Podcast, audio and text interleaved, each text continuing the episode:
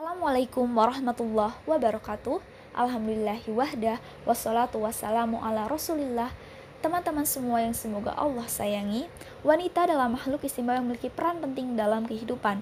Wanita adalah separuh umat yang melahirkan separuh yang lain. Kemajuan dan kebobrokan suatu umat banyak dipengaruhi oleh wanita. Oleh karena itu, musuh-musuh Islam senantiasa berusaha merusak kaum wanita dengan berbagai cara. Di antaranya menjauhkan mereka dari sirah para pendahulunya sebagai kaum wanita terbaik umat ini, sehingga mereka tidak lagi berkepribadian luhur dan tidak lagi menapaki jalan kemuliaan.